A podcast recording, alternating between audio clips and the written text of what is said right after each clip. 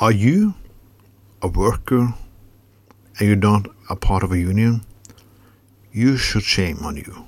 Because everything Trump says when it comes to make America great again, the greatest part of American society was brought, brought you wealth and fortune to the middle class was unions. Unions, unions, unions.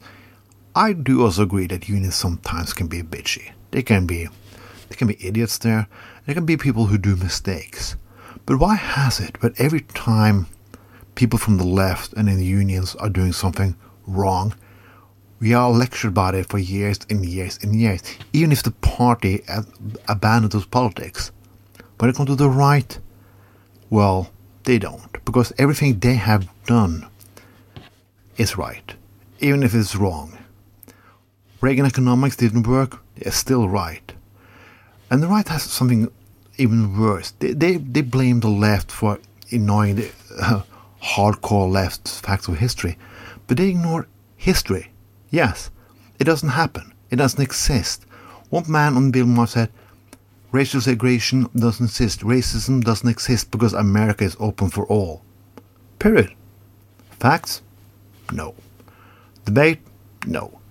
do you mean something else? You're hardcore left. Look at the history of Stalin. That is the argument about anything.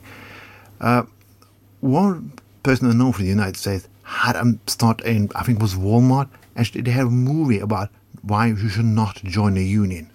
Of course, big corporations and big capitalists are afraid of unions because unions they have to pay a decent wage. They have to treat the workers good.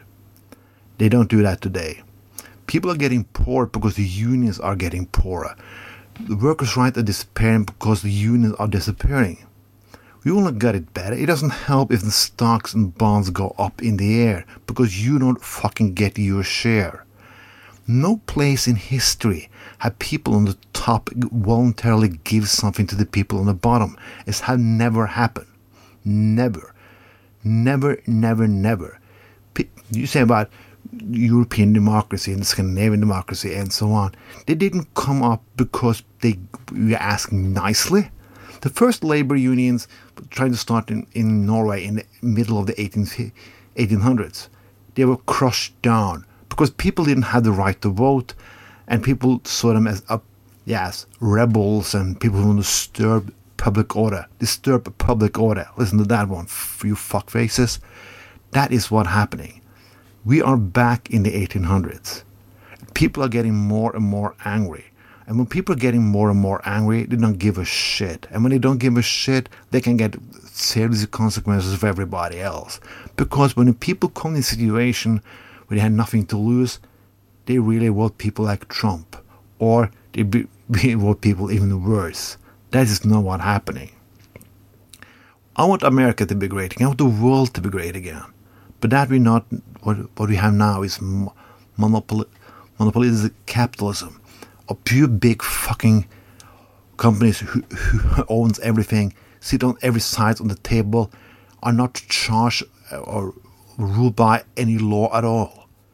We have sold our democracy. We have screwed the working class, and we need to fucking come back. You have to join a union, and if your boss gives you five on that, you shall fucking screw him into fucking hell. Yes, because there are no nice way to win anymore. There are no nice way to do anything anymore. If you want to win, you have to go for the hard way. Yeah, you do. Because they are. They are shooting people in the fucking street. They are stopping you from the road. They are, they are putting surveillance on you because they say like, yeah, we have to fight the terrorists why they are selling the fucking same terrorist weapons. The, the real terrorists. Yeah. That's fucking what happening. You need a fucking revolution. But it's not a bloody one. You need to you go and vote, go and start on unions. stand by each other. Think about something else than you fucking self one thing. That is what it's gonna do. Join a fucking union. If there aren't a union on your work Start one and make fucking hell. Raise hell. Let next year be the year of fucking labor unions comeback. This was Tron with Tron tells the truth.